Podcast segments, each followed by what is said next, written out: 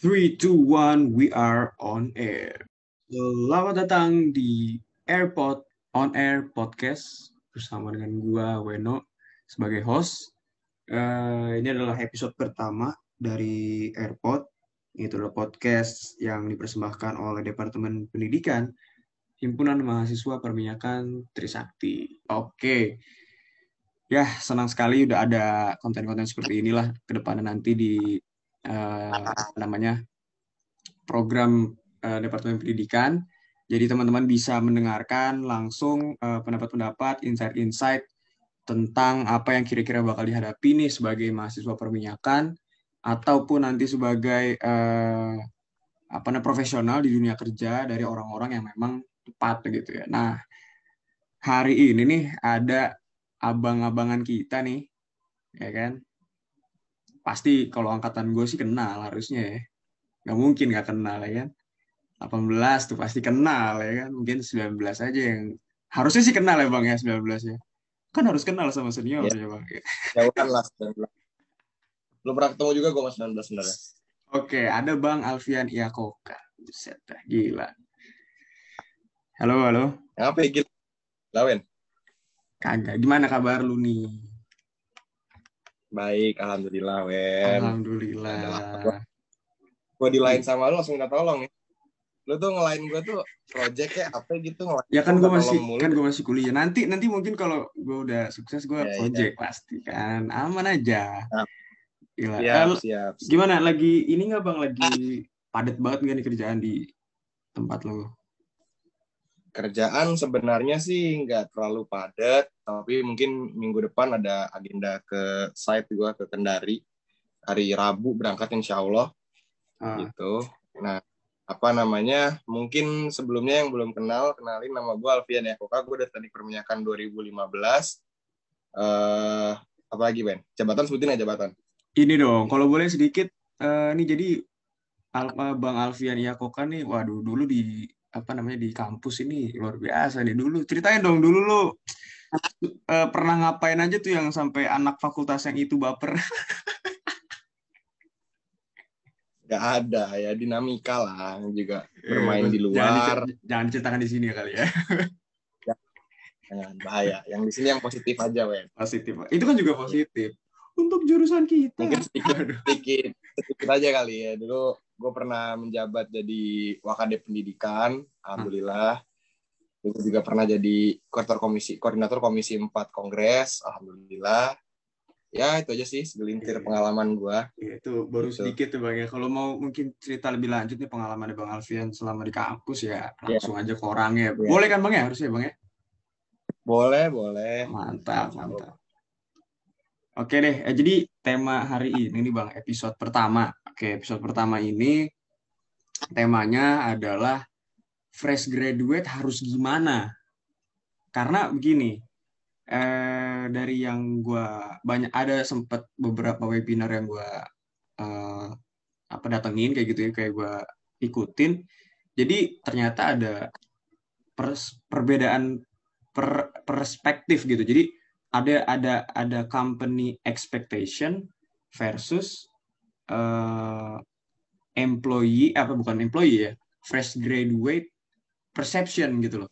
Jadi kayak kalau kalau company kan pengennya uh, agak bingung ya. Jadi pengennya nge-hire orang yang udah punya pengalaman. Sedangkan kalau fresh graduate kan ya harus butuh kerja untuk punya pengalaman gitu kan. Ya nggak sih bang? Betul betul betul. Nah uh, sebelumnya ini, oh gimana gimana gimana? Hmm Uh, jadi fresh graduate tadi yang gue tangkap pertanyaan lo yang pertama adalah fresh graduate harus ngapain gitu ya? Iya iya gitu. Fresh graduate ngapain? Pertama lu mesti yang paling pertama memperbagus CV lu itu wajib. Oke. Okay. Jangan biarin CV lu itu kosong melompong, jangan biarin CV lu itu cuman ada background latar pendidikan, background ini, background itu, itu yang pertama. CV lu harus bagus, harus menarik. Gimana cara bikin CV? Gue yakin dapat ada jago-jago lah banyak training bikin CV segala macem gitu. Dan kalau bisa saran gue hiaslah CV lu sebagus mungkin. Hias bukan dalam artian desain ya. Oh, okay, hias okay. tuh adalah lu pernah korkom ini, lu pernah jadi ah, ini, lu pernah menang lomba ini, lu pernah menang lomba itu, lu pernah jadi anggota apa ini itu, masukin semua itu CV. Intinya adalah perusahaan itu lu apply kerjaan itu paling email applyan lu itu cuma dilihat sekitar 20 detik atau 10 detik sama HR. 20 detik Jadi make sure 10 detik.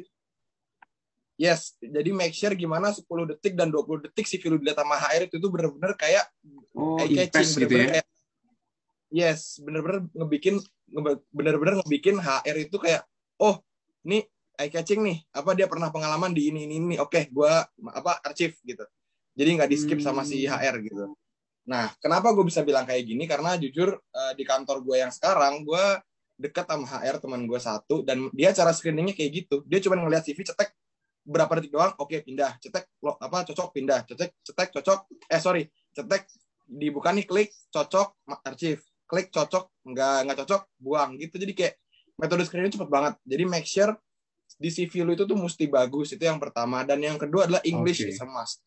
Itu yang kedua zaman sekarang bahkan Mandarin is must zaman sekarang ya tapi kalau menurut gua Inggris tuh is- Inggris itu adalah eh, apa namanya kunci yang kedua selain CV lu bagus gitu jadi gimana cara lu merangkai kata di cover letter gimana cara lu mengungkapkan kekuatan lu di cover letter itu juga menjadi salah satu parameter yang eh, harus lu lu buat gitu loh sebelum lu jadi fresh graduate Oke, sorry Dan sorry bang. ketiga- So- sorry potong bang. Berarti kalau misalkan tadi Boleh. cover letter segala macem, cover letter itu beda sama CV kan ya, kalau nggak salah ya? beda beda jadi lu apply kerja itu maksi eh, minimal lima yang harus lu attach yang pertama adalah Oh. sertifikat lu atau graduation certificate lo atau ijazah lu Ijazah, oke. yang kedua transkrip transkrip nilai lu yang kedua yang ketiga adalah cover letter yang keempat CV dan yang kelima adalah lampiran-lampiran seperti kayak lu eh, TOEFL lu berapa terus Oke. lu pernah menang apa. jadi lima lima parameter itu yang harus lu attach di eh, dalam email lu mau ngelamar kerja gitu dan satu Oh, lagi Wen oke, tadi kan oke. gue bilang yang pertama adalah ya CV CV. banyakin experience lu dan yang kedua adalah bahasa Inggris lu dan yang ketiga adalah lu harus punya specialty tertentu gitu Maksudnya gimana tuh bang? Specialty gimana? misalkan begini misalkan kayak lu jago di drilling gitu Oke lu Hmm. patenin drilling lu jago softwarenya, lu jago hitungannya, lu jago ini itunya. Jangan ilmunya tuh ngambang. Lu jago, lu sosok di reservoir, lu sosok di drilling, lu sosok di geologis itu malah yang ngebikin lu tuh nggak bagus gitu. Jadi kalau saran gua adalah emang sih dalam dalam dunia perminyakan tuh semuanya mesti lu masterin kalau lu kuat. Jadi Mhm. mindset lu harus lu rubah tuh. Lu harus rubah mindset kalau perminyakan tuh gue jago di drilling doang ah, jago di reservoir doang ah, itu salah. Kalau lu kuat lima-limanya harus lu jagoin. Tapi kalau lu nggak kuat, at least ada satu satu subjek yang Oh, benar-benar satu yang ahli banget gitu ya, yang suka banget lah gitu ya, Benar. dalam banget gitu ya. Zaman, zaman sekarang software is a must. Lu mesti jago software. Lu nggak jago software sama aja lu kayak engineer yang buta gitu mau ngapain. Lu nggak Hmm, bisa iya, pakai iya. pipe sim, lu nggak bisa pakai embal, lu nggak bisa pakai eh, petrel kalau lu expert dikit. Ya itu ya ibaratnya eh, eh, apa ya? Ibaratnya ilmu nanggung gitu kalau lu nggak jago software kayak zaman sekarang seorang kayak eh, salah satu parameter yang lu jagoin atau kalau lu kuat lima parameter itu lu, lu, lu sikat semua itu malah lebih bagus gitu. Itu Oke. sih kalau saran gua sebelum lu jadi fresh graduate lu tuh mesti ngapain tuh itu. Tiga Dan itu yang ya. paling terpenting Wen, Oke oke. Empat nih, yang keempat paling nih berarti. terpenting ke- relasi itu juga harus. Oke. Oh, itu bahasa halus sih sebenarnya. ya nggak sih? Bahasa halus ya. Bahasa benar. halus lah ya. Kenapa kenapa gue bilang relasi itu penting? Betul. Kenapa gue bilang relasi itu penting? Karena relasi itu yang bisa ngebawa masa depan lo. Bapak lu orang minyak bagus, masukin. Lu ntar dimasukin ke ranah minyak bagus. Om lu orang minyak bagus, om, om lu bakal masukin lu ke ranah minyak. Tapi balik lagi, kenapa jaringan itu gua taruh di terakhir? Karena Hmm. jaringan ini ibaratnya adalah salah satu hal yang enggak eh, maksud gue tuh gimana ya? Jadi salah satu hal yang eh, Bukan utama, bukan fundamental pertama. sih fundamental. Ya, maksud gue tuh kayak fundamental sih fundamental, tapi Ah, jangan mentang-mentang lu punya jaringan, jadinya lu tuh kayak Oh. ngeremehin tiga parameter awal gitu. Karena Oke, kenapa? oke. Karena kalau lu punya jaringan bagus, lu dimasukin sama orang tapi lu nggak bisa perform, itu sama aja lu ngejelekin nama dia gitu. Jadi oh, tapi kenapa nggak masukin dapat juga tuh ya. yang terakhir Tetap itu tetap nggak dapat juga tuh ya. Maksudnya nggak dapet gimana? Iya maksudnya maksudnya kalau wa- walaupun kayak kita tadi kan ber- kalau gue rangkum berarti ada empat tuh ya. Nah yang terakhir ini kan tadi eh, relasi atau orang dalam lah gitu kan. Nah walaupun Betul, kayak walaupun kayak kita ada orang dalamnya nih dapet nih orang dalamnya. Tapi tiga yang tadi tuh kita nggak nggak perform tadi lu bilang nggak nggak dapet juga tuh ya? Atau gimana? Eh, dapet sih mungkin dapet Wen, tapi gimana lu sustain di dalamnya gitu. Oke Bisa oke oke. di dalamnya. Kalau lu nggak bisa bertahan di dalamnya karena lu nggak punya ketiga tadi yang gue bilang, lu nggak punya pengalaman, lu Inggris lu jelek, Mhm. apalagi tambah komunikasi lu jelek, tambah lagi lu nggak punya speciality, ya lu bakal ditendang dunia minyak, dunia keras. Kenapa Iya, gue bisa iya, bilang iya, kayak gitu ya? Karena kalau lu nggak bisa mendatangkan profit buat perusahaan ya bisa-bisa lu cepet-cepet dikat gitu. Iya iya betul betul. Apalagi kondisi kayak sekarang ya bang ya. Betul, betul. Kompetisinya betul. makin ketat. Oke oke. Nah, itu tadi yang gue bilang adalah sebelum lu jadi fresh graduate.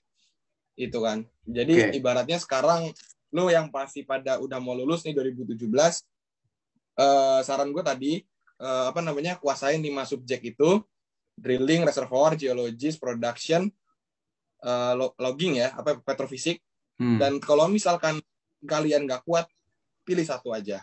Ibaratnya kayak eh, apa ya harus punya satu lah at least spesial kalian tuh di mana gitu. Tapi dalemin gitu ya. tapi dalemin dan kalau Iya. itu jadi daya jual lo balik lagi Oh, kita ngelamar kerja dan jual diri gimana perusahaan itu bakal tertarik buat melirik kita apa enggak kayak gitu Oke. Oke. itu sebelum graduate Oke, ini kita bahas eh, eh, pelan-pelan dulu deh. Oke, sebelum seb- eh, sebelum jadi fresh grade ya, berarti sebelum jadi fresh grade. Eh, tentang CV Hmm. dulu sih, Bang. Tadi ada sa- satu pertanyaan yang kira-kira mungkin relevan sih. Menurut lu perlu nggak sih CV CV itu ba- berbahasa Inggris atau sepenting apa sih? menurut gua CV itu yang paling penting Wen kenapa karena kunci lu masuk ke HR itu cuma pakai CV Nggak, maksud gua lu mencari perlu nggak sih bahasa Inggris gitu? Kan ada yang pakai bahasa Inggris, ada yang pakai bahasa Indonesia nih gitu. Zaman zaman sekarang perusahaan mana Wen yang CV pakai bahasa Indonesia Wen? Oh, jadi jadi is, is a must lah ya. Mandatory lah ya. iyalah. Zaman Mandatory. sekarang tuh English is a must. Bahkan kalau bisa Mandarin is a must itu yang kedua. Itu benar-benar oke. Itu yang gue agak Mandarin. Emang emang iya ya? Sekarang Mandarin juga kayak menjadi bahasa internasional kedua ya? Ya gue nih nggak tahu beneran gue cerita dikit. Boleh boleh boleh. Tentang kerjaan gue.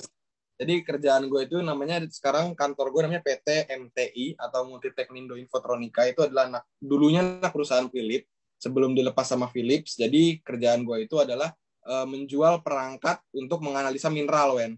Jadi dalam sampel itu mineral lu ada apa aja, ada kalsit, ada karbonat atau ada eh, silika segala macam. Nah itu nanti dilihat nih kadar unsurnya berapa persen. Jadi kebanyakan gue sekarang main di tambang karena specialty gue geologis oke. apa namanya di tambang kita di Sulawesi terutama tambang nikel atau bauksit di Sulawesi ataupun di Kalimantan semua wen bisa gue bilang sudah diambil oleh yang namanya China. Perusahaan Cina gitu ya? Perusahaan Tiongkok perusahaan ya Tiongkok. bahkan gue bahkan gue pernah bikin eh, surat penawaran bahkan gue pernah menerima purchasing order itu pakai bahasa Mandarin men serius lu? Terus serius. lu lu lu belajar juga berarti sekarang nih bahasa Mandarin nih nah untungnya untungnya kantor gue punya trans punya translator jadi gue Oh. tinggal tinggal dia buat nge-translate gitu. tapi ketika gue komunikasi sama dia otomatis kan pakai bahasa Inggris ya tapi dia bakal lebih, lebih respect lagi kalau kita komunikasi pakai bahasa Mandarin itulah kenapa gue bilang Mandarin is must itu yang Oh. kedua oke berarti ya karena kalau bisnis partnernya ngomong betul itu kan kalau Mhm. kita bicara bahas masalah tambang ya tapi kalau kita bicara Mhm. bahasa minyak menurut gua Ma- Mandarin kedua itu belum terlalu banget tapi English is a must itu wajib Inggris ya oke ketika lu apply apply teman-teman gue yang pada masuk selam bersih yang pada masuk Halliburton yang pada masuk eh, apa service company yang lain itu mereka tuh bahasa Inggris itu luar biasa kan Mhm. makanya Oke, gue baik. bisa bilang bahasa Inggris itu harus is a must lah itu yang harus parameter kedua lo tentang bahasa gitu Oke. Terus nih Bang, ini kayak ini Hmm. bicara yang sebelum apa? se- Sebelum fresh graduate lah ya. Hmm. Tadi kan poin kedua itu apa namanya? Eh sorry, poin kedua English. Eh, poin ketiga ya yang yang apa namanya? eh, istilah, istilahnya per- memperkaya CV-nya gitu kan. Nah, cuman kalau misalkan nih, ternyata ya pas kuliah eh, yang nggak pernah ikut apa-apa gitu loh. itu gimana bukan berarti maksudnya bukan berarti tidak akan sukses juga kan. Tapi kira-kira gimana supaya menjualnya gitu? Agak sulit nggak? Ya sekarang an- analogi aja nih. Misalkan nih lu gue contoh lu ya Wen ya. Lu Hmm. misalkan pernah menang lomba di ABCD pernah jadi orga, ormawa di ABCD pernah Hmm. juga jadi volunteer di ABCD ngelawan temen lu yang kuliah pulang kuliah pulang CV-nya kosongan. Cuman ada SD ini SMP ini SMA ini oke kuliah ini IPK sekian. Lu Oke, sebagai. HR nih lu sebagai HR lebih milih siapa ya jelas yang punya pengalaman banyak lah tapi yang tidak punya pengalaman anaknya bosnya. Nah, itu balik lagi Wen. Ketika dia anaknya bosnya oke lah, jadi yang keterima dia misalkan. Eh, Terus tiba-tiba dia nggak punya pengalaman, nggak punya apa-apa, dan dia kuper juga nggak jago komunikasi, bisa nggak dia sustain di situ? Ya ya kalau bicara soal bertahan sih ya tergantung bokapnya juga bertahan apa selama bokapnya ada mungkin bertahan sih bang bokapnya udah cabut susah ya nggak sih Betul. Jadi ya apa ya? Menurut gua, hmm, ya masalah bokap lu keluarga lu di mana bisa masukin lu itu bagus itu jadi parameter juga tadi seperti yang bilang tapi yang nggak punya relasi pun ya jangan berkecil hati gitu kalian masih punya tiga parameter awal tadi yang gue bilang gitu Hmm, ya, ya, ya, betul, betul, betul. Oke, nih gue buka LinkedIn lu sih sebenarnya. Eh, yang gua, karena maksudnya nih kan sobat-sobat anak minyaknya juga pengen tahu lah eh, waktu lu lulus nih 2019 ya kan.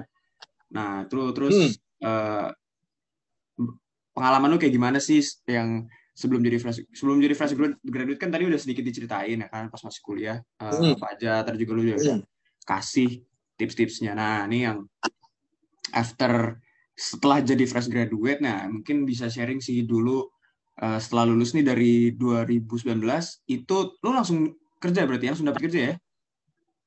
langsung dapat kerja alhamdulillah Wen jadi kebetulan waktu itu apa namanya ketika gua lulus gua langsung tebar CV Wen serius gue tebar CV ke sana kemari tebar CV ikut Nebarnya- sana sini Gimana tuh nebar ya? Maksudnya lebih literalnya gimana? jadi gini Wen ketika lu jadi fresh graduate mungkin Oke. lu kepikiran juga buat loncat selain di perminyakan itu pasti bakal dirasain sama fresh graduate kita gitu loh Mhm. Jadi apa namanya eh, jangan berkecil hati juga buat teman-teman karena eh, bekerja selain di minyak itu juga nggak masalah. Karena apa namanya karena yang pertama adalah tuntutan nasib dan yang kedua memang kita harus nyambung hidup bener nggak sih? Realistis sih bang. Gitu, jadi- Iya, iya, iya.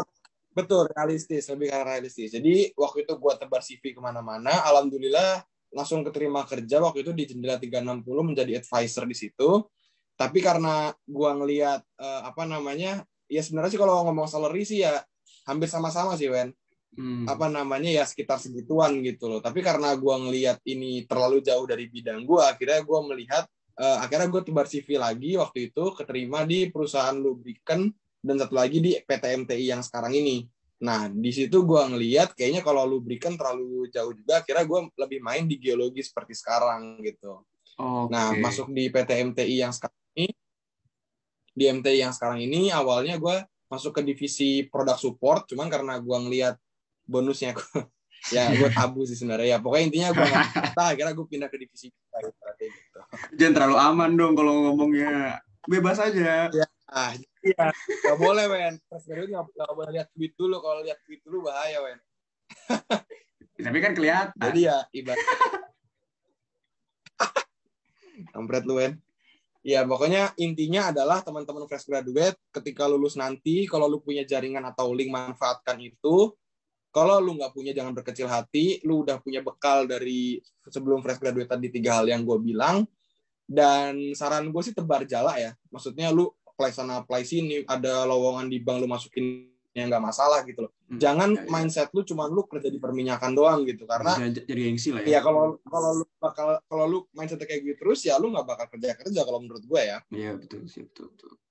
Karena karena gengsi sih bang yang terutama ya nggak sih kayak agak menyimpang dikit ya, ke betul agak menyimpang nyimpang ke geologi ke mana ke tambang itu masih oke lah nah cuman kalau yang udah menyimpang jauh ya kalau emang itu lu passion di situ lanjutin. Kalau emang Oke. lu ragu jangan karena lu bakal kerja karena lu kerja bakal ke pressure saran gua. Kalau Gitu. yang menyimpang jauh tuh contohnya kayak misalkan jadi buzzer pemerintah gitu kan. Ya, buzzer pemerintah atau lu jadi apa pendemo juga. Ya pokoknya intinya bayaran, gitu kan. gitu. Kalau lu iya. Kalau lu apa namanya ibaratnya lu udah yakin nih menyimpang dari minyak, yakin aja udah. Misalkan lu keterima jadi apa namanya? MT di perusahaan karet atau MT di perusahaan food and beverage atau lu keterima MT di mana kalau emang lu yakin dan emang lu mampu ya ambil gitu. Tapi kalau lu ragu ya jangan. Karena kalau hati kecil lu masih mau di minyak apa gitu kan. Jangan coba-coba sih kalau saran gua. Karena kalau lu coba-coba ujungnya kayak gua, pasti kerjaan tuh jadi kayak nggak nyaman, Wen. Nggak nyaman ya. Tapi tapi lu waktu Bener. di ini ini yang gue lihat di waktu lu di jendela 360 ini ini advisor nih Hmm. cukup tinggi sih kayaknya sih bang. Ya nggak sih posisi lu waktu itu? Ba ya, ya nggak? Eh, sebenarnya, sebenarnya gini, Wen. Advisor itu lebih ke kayak eh, apa ya? Ada owner atau ada orang yang pengen sewa apartemen, dia bingung. Ya gue yang men- menunjuk mengarahkan dia untuk ya di apartemen aja, apartemen aja gitu. Jadi ya ibaratnya ya apa namanya? Karena karena di situ karena gue orangnya suka komunikasi dan Mhm. eh, suka bernego dengan orang jadinya ya gue masuk ke divisi masuk ke situ ya eh, kalau misalkan kita bicara apa, apa namanya bicara sukses apa enggak ya alhamdulillah bisa menjual dan bisa meng, apa namanya bisa mengapproach orang gitu Wen di situ Iya, tapi ya iya. ketika hati kecil kayaknya gue nggak pantas di sini ya. Ya apa namanya? Ya jadinya lu kerja kayak nggak nyaman gitu ibaratnya. Iya pokoknya intinya kalau lu ragu jangan aja intinya.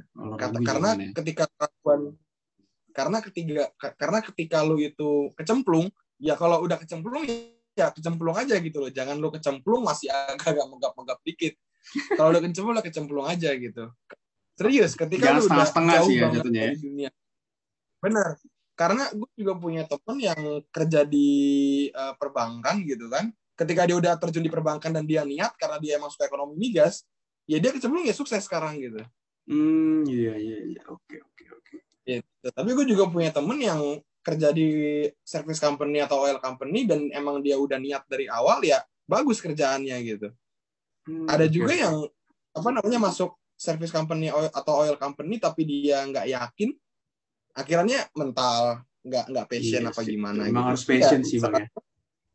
Bener, saran gue kalau emang lu jadi gini ya Wen, kalau gue boleh rinci, lu pertama apply itu kan ibaratnya nyari kesempatan ya.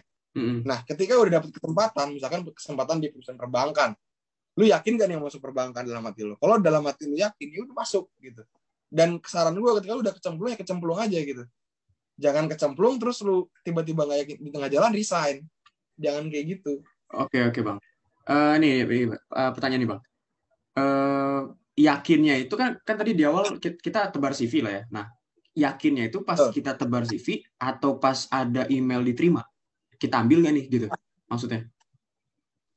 Hmm, jadi gini men, proses rekrutmen itu panjang ya. Ada yang namanya lu Hmm. nebar CV. Nebar CV itu kalau dalam versi gue itu lalu mencari kesempatan. Dan ketika lu di email pertama buat di interview satu atau lu ada psikotes atau lu ada apa, itu yang itulah yang namanya kesempatan. Nah, dalam kesempatan itu kan lu bisa memilih-milih apakah nanti pas interview perusahaan ini tuh ja- jadi eh, sesuai dengan sesuai dengan konsep dalam diri gua atau perusahaan ini tuh ternyata enggak atau perusahaan itu kayak gimana gitu. Nah, jadi tahap-tahap interview itu juga sebenarnya bukan hanya lu yang ditanya-tanya, malah kalau bisa lu yang nanya, Pak, alur kerja di sini kayak gimana, Pak? Pak, kalau Hmm, di sini sistemnya gimana, Pak? Gitu. Nah, nanti iya, iya. ketika interview itu selesai, jadi lu punya bayangan nih, oh kalau gue kerja di sini gue bakal berkembang nih. Oke, gue sign di perusahaan ini gitu. Oh berarti berarti waktu ya eh, tebar CV mah tebar CV aja nanti waktu istilahnya kalau ada, ada kesempatan itu coba dilihat sesuai nggak nih sama passion dan dan apa ya? Nah, Itu kan maksud lu kan? betul. Oke Jadi oke. oke. ketika ketika apa namanya ketika lu nanti interview atau lu nanti apa kan lu sekalian menilai perusahaan itu Hmm, kayaknya oke deh gitu. Atau enggak iya, bank ini ataupun ini kayaknya oke deh gitu. Oke, gue sign di perusahaan ini, nah lu sign nanti. Gitu kan. Jadi ibaratnya kalau menurut gua hmm, harus di apa tebar kesempatan, tebar Iya, kesempatan ketika lu nyari kerja itu sesuai dengan kualifikasi ya. Jangan nanti lu experience 10 tahun lu masukin juga nggak bakal dipanggil lo. Oh iya iya, lihat-lihat juga, nebar-nebar CV juga dong ya. iya. Keywordnya fresh graduate, keywordnya all major atau petrol engineer atau geological yang masih agak nyambung ya, nyambung ya, dikit atau betul betul. betul. atau main. Nah, lu baru apply. Nah, nanti ketika di ada kesempatan lu di interview, ya udah, nanti kan lu tahu nih, ini sesuai perusahaan sesuai dengan passion gua nggak ya? Nah, ketika udah sesuai passion dan lu yakin meskipun jauh dari, dari perminyakan ya lu masukin aja. Gitu. Oke, oke, oke, oke, oke. Eh, jadi emang agak-agak ini ya, ini terutama lu sih, terutama lu sih, agak fresh graduate yang agak beda ini. Jadi karena kan biasanya kan kalau misalkan lagi interview atau atau ya proses job seeking lah ya, itu kan biasanya kita yang dinilai gitu. Ini ini lu, lu- kalau lu tuh lu yang menilai gitu lu lu yang riset perusahaannya Bukan gitu. bukan gue yang menilai, men, tapi lebih ke kayak oke lu dinilai sama orang nih. Tapi kan interview itu kan dua arah, Wen. Lu Ya, juga emang, bisa ya. nanya, Pak, di sistemnya kayak gimana ya, Pak? Di sini tuh eh, apa namanya? Eh, misalkan eh, ke depannya mau mau kayak gimana ya, Pak? Nanti job desk saya seperti apa ya, Pak? Nah, itu kan ibaratnya kan eh, inter apa namanya? Lu sambil mencari apakah perusahaan itu sesuai dengan prinsip gua gitu. Iya, Dan iya. ketika sesuai dengan, dengan prinsip lu, lu yakin masuk situ meskipun itu di dunia minyak, dunia apa, dunia pengadaan barang, dunia lu Hmm. ngejual bit, lu ngejual pipa, lu ngejual apa, lu menjadi sales atau lu menjadi anak BD atau lu jadi product support atau lu jadi apa pun, asal asalkan itu sesuai dengan sesu- sesuai dengan apa namanya jati diri lu ya lu masuk masuk aja gitu. Jangan mikir kayak aduh masuk sini ntar gue diketawain temen gak ya buset. Jangan sampai tuh ada yang kayak gitu tuh. Ya, siapa tahu kan ada yang mikir Emang gitu, teman-teman siapa lu- tahu. betul betul betul teman-teman lu itu eh, eh, bisa gue bilang ya ketika nanti lu ketemu kayak hampir berapa persen tuh nggak ada yang peduli sama kerjaan lu gitu jadi ya Hmm. apa kalau kata gue lu suka sama pekerjaan itu jalan jalanin aja gitu nggak usah takut diketawain jangan takut kenapa emang teman lu yang ketawain lu tuh ngebayar lu per bulan gitu Iya, kadang-kadang kadang jadi masalah sih ya omongan Bang, ya. orang sih ya bang ya. betul betul sepakat. Iya bener sih. Karena Apalagi kan, ah, kenapa? kenapa? Nah, jadi apa ya ibaratnya lu masuk dunia perminyakan pun pasti ada salah satu ilmu yang lu pakai gitu. Lu masuk oil company misalkan lu ditempatin di produk di divisi reservoir misalkan. Emang lu bakal master geologi. Nah, kerjaan gue yang sekarang gue taruh di geologi, emang gue master yang lain gak juga kan? Lu nanti di, di dunia perbankan atau dunia yang lain, ya emang ada salah satu hanya salah satu ilmu kan yang yang bakal lu pakai gitu intinya. Nggak bakal semua perminyakan lu pakai di situ gitu. Iya iya betul betul betul betul. Ya kadang-kadang. Jadi kadang-kadang ya emang- jangan Kenapa tuh? Jangan apa tuh? jangan malu. Jangan malu sih Wen kalau kata gue. Jangan malu. Ibaratnya lu-. Betul, lu nanti kerja di perusahaan masih CV gitu, bukan PT. Nanti kerjaan lu cuman eh, ngejual-jual biring misalkan atau ngejual-jual apa eh, apa ini itu misalkan, ya jangan malu gitu. Karena emang apa ya, zaman sekarang bisa dibilang nyari kerja lumayan sulit dan kalau bagi gua lu nanti ngejual-jual piring itu misalkan lu kenal sama company man nanti. Nah, itu bakal jadi membangun relasi, Wen. Hmm, Nanti lu bisa iya, aja kerja di situ atau lu jadi bisa gimana gitu. Jadi ya kalau kata gue fresh graduate kerja di mana pun jangan malu. Lu jadi apa pun sepakat. jangan malu. Jadi apa pun jangan malu ya. Oke oke oke. Jangan malu karena apa? Karena lu malu tuh buat apa? Betul Buat apa lu betul malu? betul betul. Misalkan betul. lu nanti masuk perusahaan eh yang tadi gue bilang ya misalkan kayak ngejual-jual plat besi, ngejual-jual apa, ngejual-jual eh apa namanya? eh biring atau ngejual-jual mur gitu kan. Ya sekarang lu, lu misalkan berhasil ngejual berapa puluh ribu gitu kan, komisi lu berapa sebulan? Nah, itu. Mhm. Lu malah bisa setara dengan teman-teman yang kerja di oil company atau di service company bahkan. Dan yang kedua, relasi lu banyak. Lu bisa ngejual ke bos PT ini, lu bisa ngejual Iya, ke bos betul, PT ini, betul. lu punya kontaknya dia, bahkan lu bisa main project bareng sama dia, bahkan lu nanti bisa masuk ke perusahaan itu gitu. Jadi ya saran gua, apa pun passion lu jangan malu. Lu keterima, lu misalkan nih nggak keterima keterima sekalinya keterima di perusahaan yang kata dia yang gue bilang. Nah ini passion lu bermain nih. Apakah nanti lu bakal lu suka ataupun enggak ataupun lu mau terima apa enggak? Nah ini udah hati lu bermain. Dan kalau gue boleh saran ikuti kata hati lu. Bukan kata orang Kalau lain gitu lagi, ya. turunin- Benar. Dan kalau bisa lagi turunin ego lu. Gitu loh. Jadi ya kalau udah lu udah ikutin ego lu eh lu udah udah apa namanya ikutin kata hati lu, lu udah turunin ego lu lu nggak peduli satu sama lain kerjaan lu fokus di situ kan. Iya. lu nanti apa namanya diarahin sama bos lu harus ke mana ke mana ke mana. Job desk lu gimana gimana gimana. Udah diikutin ya udah. Apa namanya ikutin aja gitu. Dan tem buat teman-teman yang lain kalaupun nanti keterimanya cuma magang jangan malu juga kayak aduh kok cuma keterimanya in- apa internship doang ya yang sebulan cuman salary-nya berapa juta doang gitu kan ya udah nggak usah malu tekunin aja udah ikutin aja apa di dalamnya nanti kan lu bakal kenal sama sama atasan ini atasan itu Iya, atasan betul. itu nanti kan lu bakal kayak bakal kayak oh nanti job desk kayak gini ya berarti gue cocok di sini nih gitu jadi Iya. saran gue fresh graduate setelah fresh graduate ya yang pertama itu jangan malu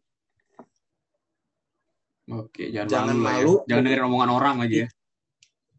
Benar jangan malu dengerin kata hati turunin ego udah itu dia.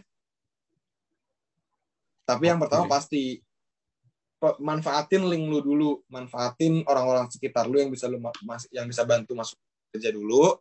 Nah kalau udah nggak ada ini gue udah ini gue konteksnya udah ngomong udah nggak ada link ya. Oke, kalau udah nggak ada link ya. benar udah nggak ada udah nggak ada yang bisa bantuin lu kerja yang pertama tadi jangan malu lu apply di mana pun. Hmm, karena secapek-capeknya lu kerja semalu-malunya lu kerja lebih capek dan lebih malu lu nyari kerja sepakat. Wah ini, ini mantap. itu Wen Ini mantap. Luar biasa, luar biasa. asli lu capek lu capek kerja lu malu kerja ini sebagai ini sebagai itu lebih malu-malu daripada lu cuma di rumah luntang lantung nggak ada kerjaan Betul. Komentarin orang gitu kan. Iya ngomentarin orang nggak jelas lihat dulu dulu lah gitu kan. Kalau mau komentar lu udah kerja apa bos? Gituin aja. Iya, iya. Nah, kerjaan lu yang Bahkan sekarang ini gimana nih? kerjaan gue yang sekarang ya karena gue dulu bosan di kantor. Kenapa tuh Wen? Eh, maksudnya apa? sesuai passion lu nggak maksudnya? mungkin awalnya nggak sesuai passion Wen. Karena awalnya itu gue di produk support itu kayak cuma di kantor jelasin ini jelasin spek alat gitu. Yang ibaratnya bagi gue tuh di kampus juga udah dapet gitu dan ternyata gue lebih lebih passion itu ya di lapangan ketemu orang approach orang sana sini approach orang buat untuk apa namanya eh, beli alat kita itu ternyata lebih lebih passion di gue Wen gitu Nah, lu, Jadi lu ya- proses proses pindahnya gimana, Bang? Maksudnya proses pindahnya itu eh, ngomong ke atasan lu atau memang di tempat atau atasan itu Nah, ngelihat oh lu tuh itu- punya potensi nih gitu. Ya, inilah yang tadi gue bilang kenapa kenapa CV lu mesti lengkap. Itu kan berarti lu punya soft skill, Wen. Lu Ya. punya kemampuan berkomunikasi kan. Kenapa gue bisa pindah divisi? Karena jujur kedekatan gue sama manajer business development waktu itu. Oh, Karena kedekatan gue sama manajer BD, akhirnya gue bisa pindah divisi.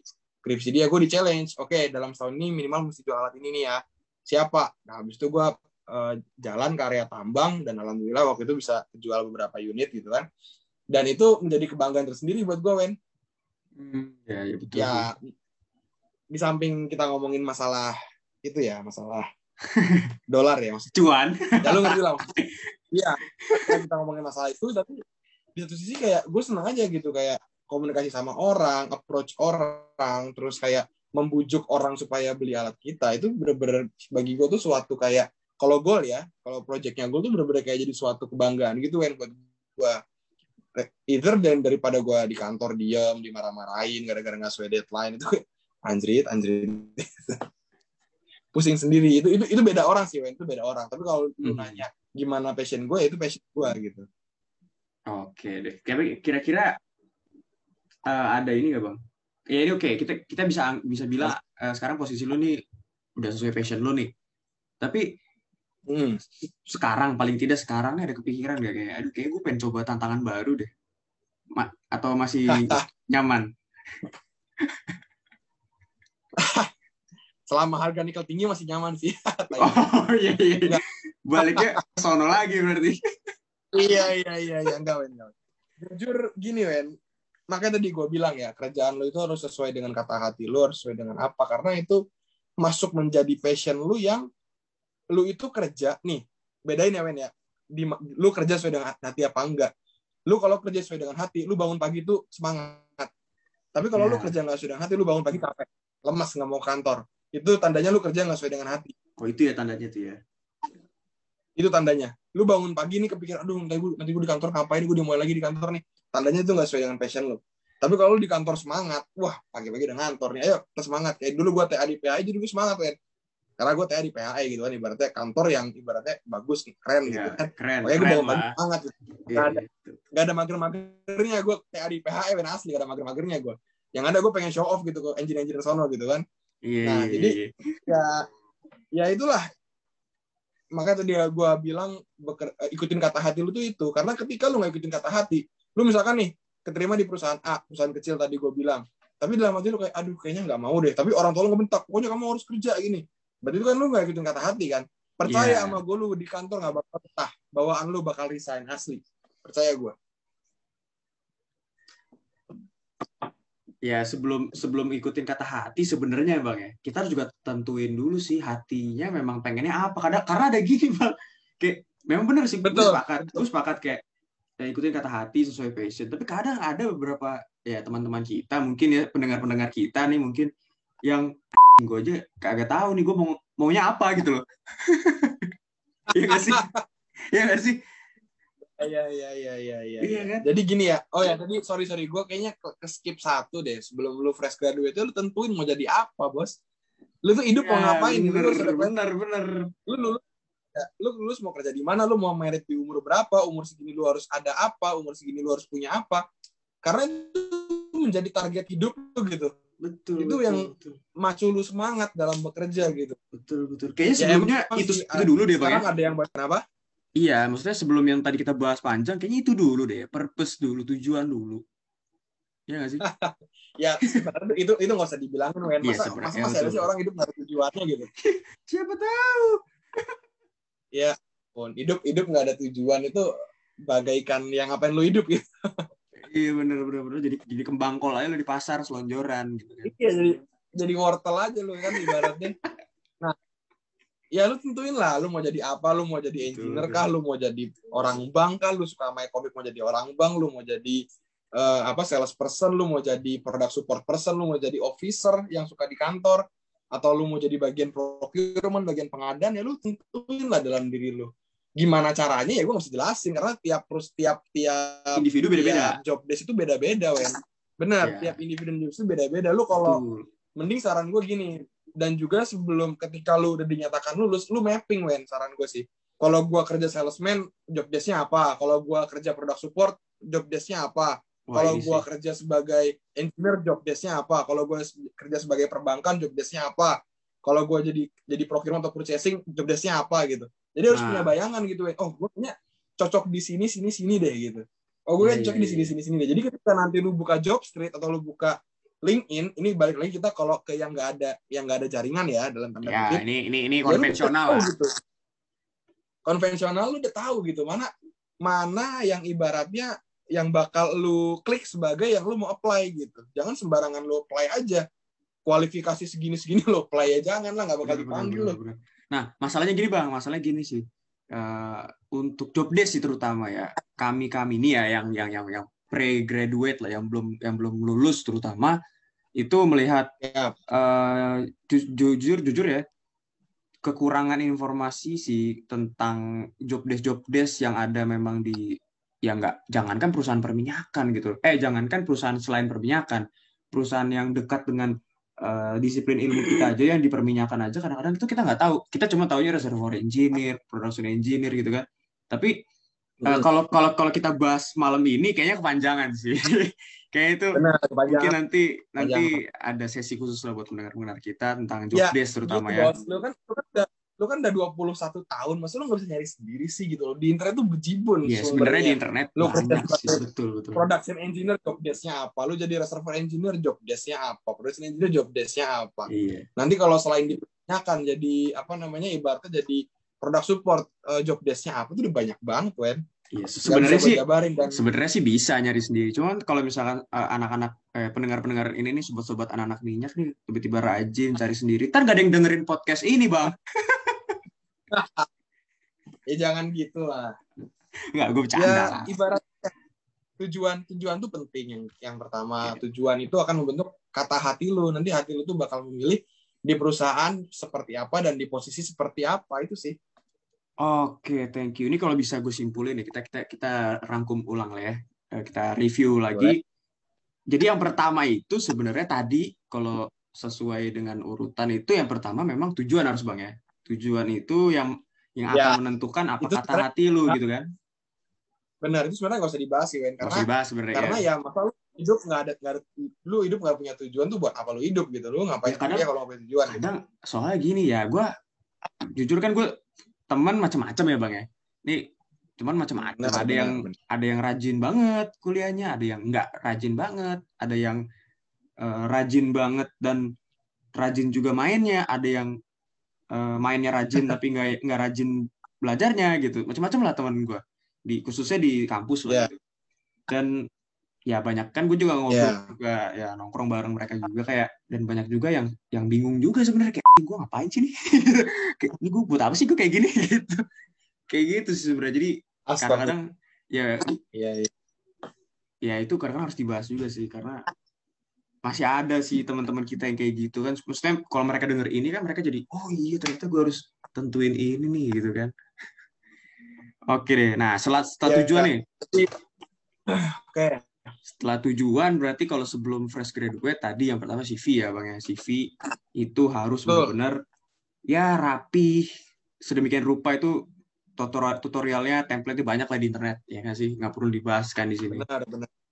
terus yang kedua English ya kan harus improve English, English, skill betul.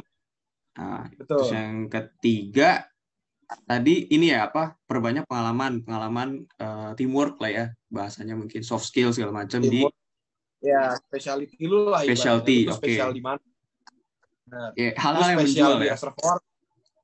Betul, hal yang menjual. Apa sih yang menjual lu itu? Gitu. Oke, yang keempat Dan yang terakhir, orang dalam. Iya. Oke. ya itu sebenarnya nggak masuk kriteria karena ya tahu sama tahu aja lah gitu. Iya, tahu sama tahu aja lah. J- Jangan dijadikan utama, Iya. tapi kadang-kadang Betul. Kadang-kadang- jangan, jangan jadikan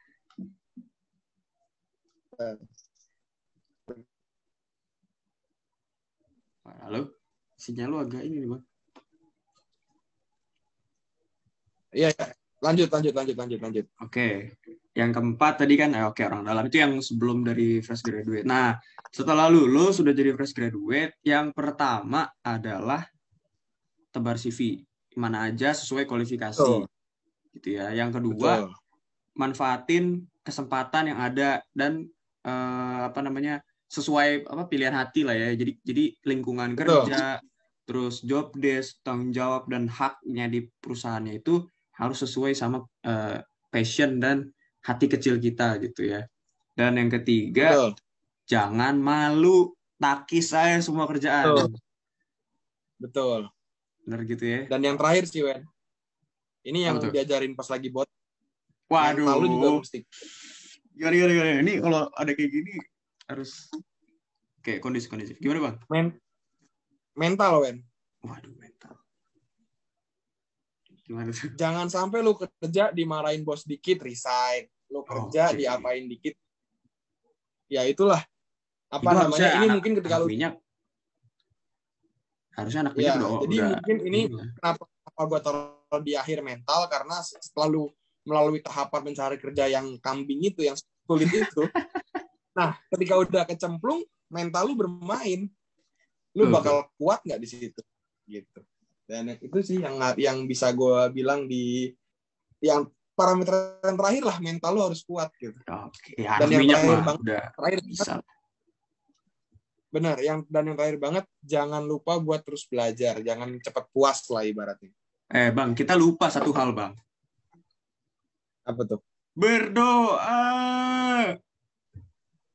Ya, berdoa. Ya, berdoa wajib lalu Nanti- sebagai makhluk makhluk ciptaan yang di atas masa nggak berdoa gitu kan. Kita kita Iya, di sini ngomongin aja.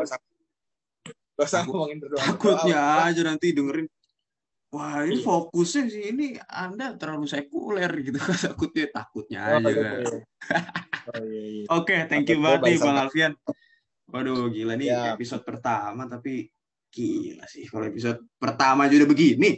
Gimana episode episode selanjutnya gitu loh. Oke. dibayangkan gitu ya.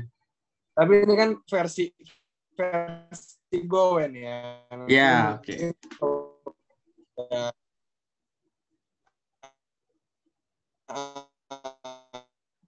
ini kan ini kan versi gua Wen nanti kan kalau Ya. ada versi dia itu kan. Dari kesimpulan. Ya sebelum fresh graduate ada parameternya setelah fresh graduate juga ada parameternya dan yang terakhir banget hoki juga berpengaruh loh. Hoki, hoki karena berdoa sih sebenarnya. Karena itu kan hoki karena berdoa. Ya nggak sih? Ya. Bisa dibilang ya. Kita faktor kan faktor hoki itu bermain ya, faktor hoki itu ada. Gue percaya faktor hoki itu ada. Oke deh, siap. Dan kata-kata terakhir lu nih yang yang gue highlight tadi itu memang eh, kerja itu capek, eh, nutup telinga dari omongan orang tuh capek, tapi lebih capek lagi ya nyari kerja ya bang ya. benar. Oke deh. apa gunanya apa gunanya apa gunanya lu di rumah ngomongin orang gitu kan Mm-mm. ya itu bakal lebih capek hati juga bakal lebih diomongin juga gitu loh. Mendingan lu tuh kerja apa yang penting lu kerja tutup telinga kanan kiri lu fokus sama kerjaan lu sambil berdoa tadi seperti yang lu bilang. Oke, nanti pasti ada jalannya. Amin, Bakal- betul bakal betul betul. kan, jabatan lu naik atau komisi lu tinggi nanti gitu kan. Dan Iya. udah itu aja. Jangan malu sih udah.